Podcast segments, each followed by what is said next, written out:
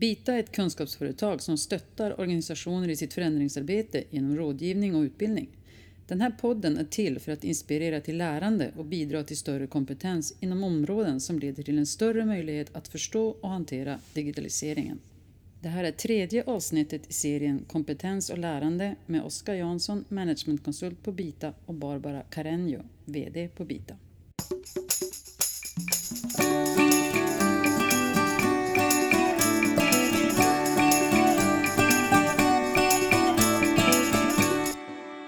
Då är vi redan på avsnitt tre i serien Kompetens och lärande och nu ska vi prata lite strategi.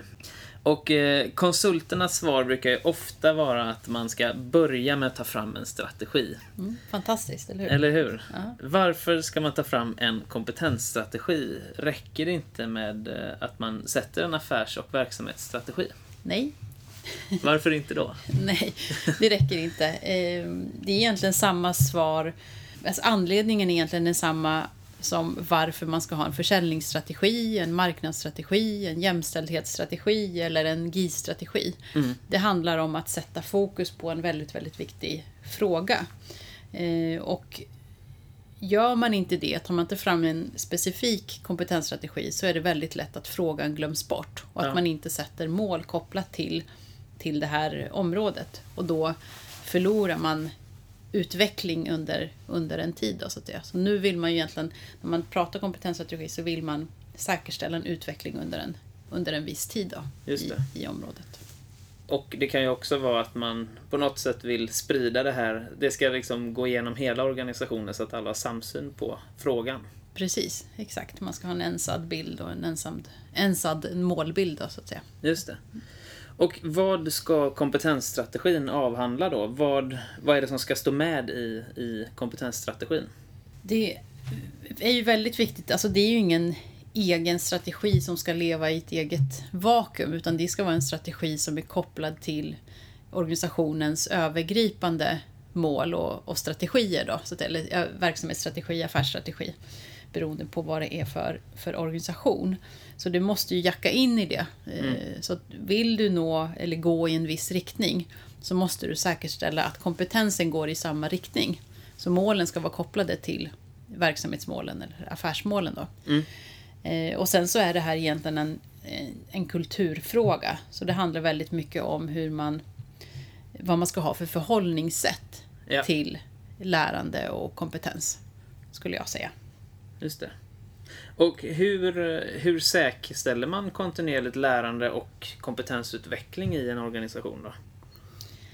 Det man, det man kan säga om man ska förenkla lite så brukar vi prata om tre, tre aspekter och det är ju tolerans, teknik mm. och eh, talang. Mm. Och där handlar ju, om man ska titta på de här begreppen lite djupare så brukar man prata om tolerans som öppenhet. Att man har mm. en, en öppenhet inför alltså innovationer och att man har ett öppet klimat där man uppmuntrar utveckling och kompetensutveckling och lärande. Just det.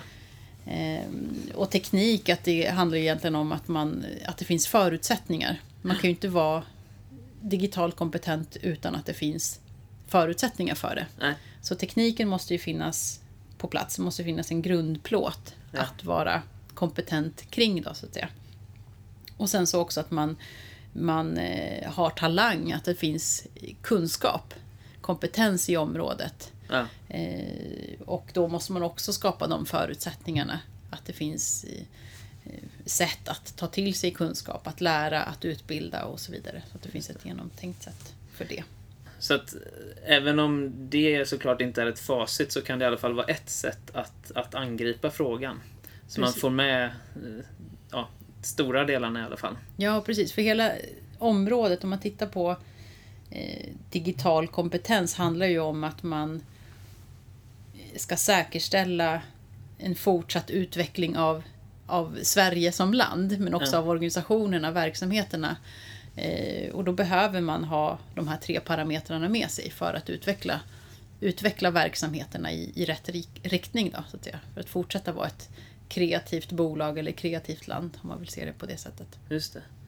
Och om man nu har satt en strategi och eh, dessutom satt en, en bra strategi, eh, hur, hur följer man upp det? Hur ser man till att det blir någon form av verklighet?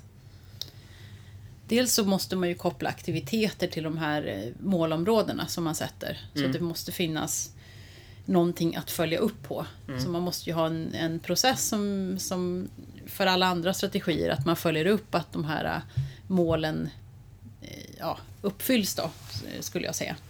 Eh, och sen så vill man ju titta på man vill titta på specifika kunskaper så kan man ju använda sig av olika verktyg. Ett sätt skulle ju kunna vara att titta på använda kunskapstester.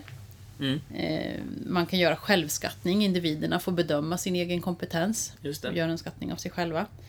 Eh, man kan göra utvärderingar av olika slag. Till exempel chefen utvärderar medarbetarna eller kollegorna med, eh, utvärderar varandra. Ja, och det är ju för att se, har man, har man ökat kompetensen på aggregerad nivå i organisationen då? just det. Så det finns lite olika, olika verktyg för det. Just kunskapstester och sånt märker man ju ibland att det finns eh, någon form av negativ inställning till. Det handlar ju egentligen inte om att, att eh, peka ut någon utan att man snarare ska vända det till något positivt. Mm, ja, precis. Vissa kan ju känna sig väldigt utlämnade. Mm. eh, Ja, att göra de här kunskapstesterna kan ju vara lite läskigt om man inte har kunskap. Och speciellt för individer som kanske försöker dölja, dölja sin okunskap. Då. Just För det. det stöter vi ju på eh, en hel del också. Hur hittar man individer som antingen då saknar eller som du var inne på här, till och med döljer sin kunskap? Dels så tror jag att det handlar om, ja, om, om inte kunskapstesterna visar det, vilket de borde göra, Mm. men om man inte använder sig av kunskapstester så, eh, så syns det troligtvis i någon form när man interagerar med sina kollegor. Mm, Så det är ju skapa en kultur där det är tillåtet att, att fråga och blotta sin okunskap så att man, det känns som en trygg miljö Ja. att vara o, okunnig på, så att säga. ja, Eh, men sen kan det ju finnas de som är superduktiga på att dölja sin okunskap ändå. Men det är ett sätt då att, att, att göra det. Och sen så måste man ju skapa förutsättningar för alla individer att kunna eh, bli kunniga. eh, Så att Ja. säga. Och då är ju tillgången till tekniken en förutsättning. Att det finns teknik men också att alla har fått en ordentlig genomgång, utbildning i hur tekniken ska användas. ja. Om det rör sig om teknisk okunskap. Då. För, för det är ju en sak att man saknar eller till och med då döljer kunskap, men sen finns det ju faktiskt en till aspekt och det är ju utanförskapet som, som blir av att vissa faktiskt saknar förutsättningar att, att kunna ta till sig den här kunskapen. Mm. Hur, hur kan man hantera det? Och det är så svåra frågor. Och det handlar ju om, om det här, man brukar ju prata om den digitala klyftan. Mm, Och då brukar man ju prata i samhället om att det, det kan vara den äldre generationen som hamnar utanför. Men Ja. i organisationer så kan det ju vara vilka generationer som helst mm, som eh, kan hamna utanför. För där handlar det väldigt mycket om, om attityd, om inställning då.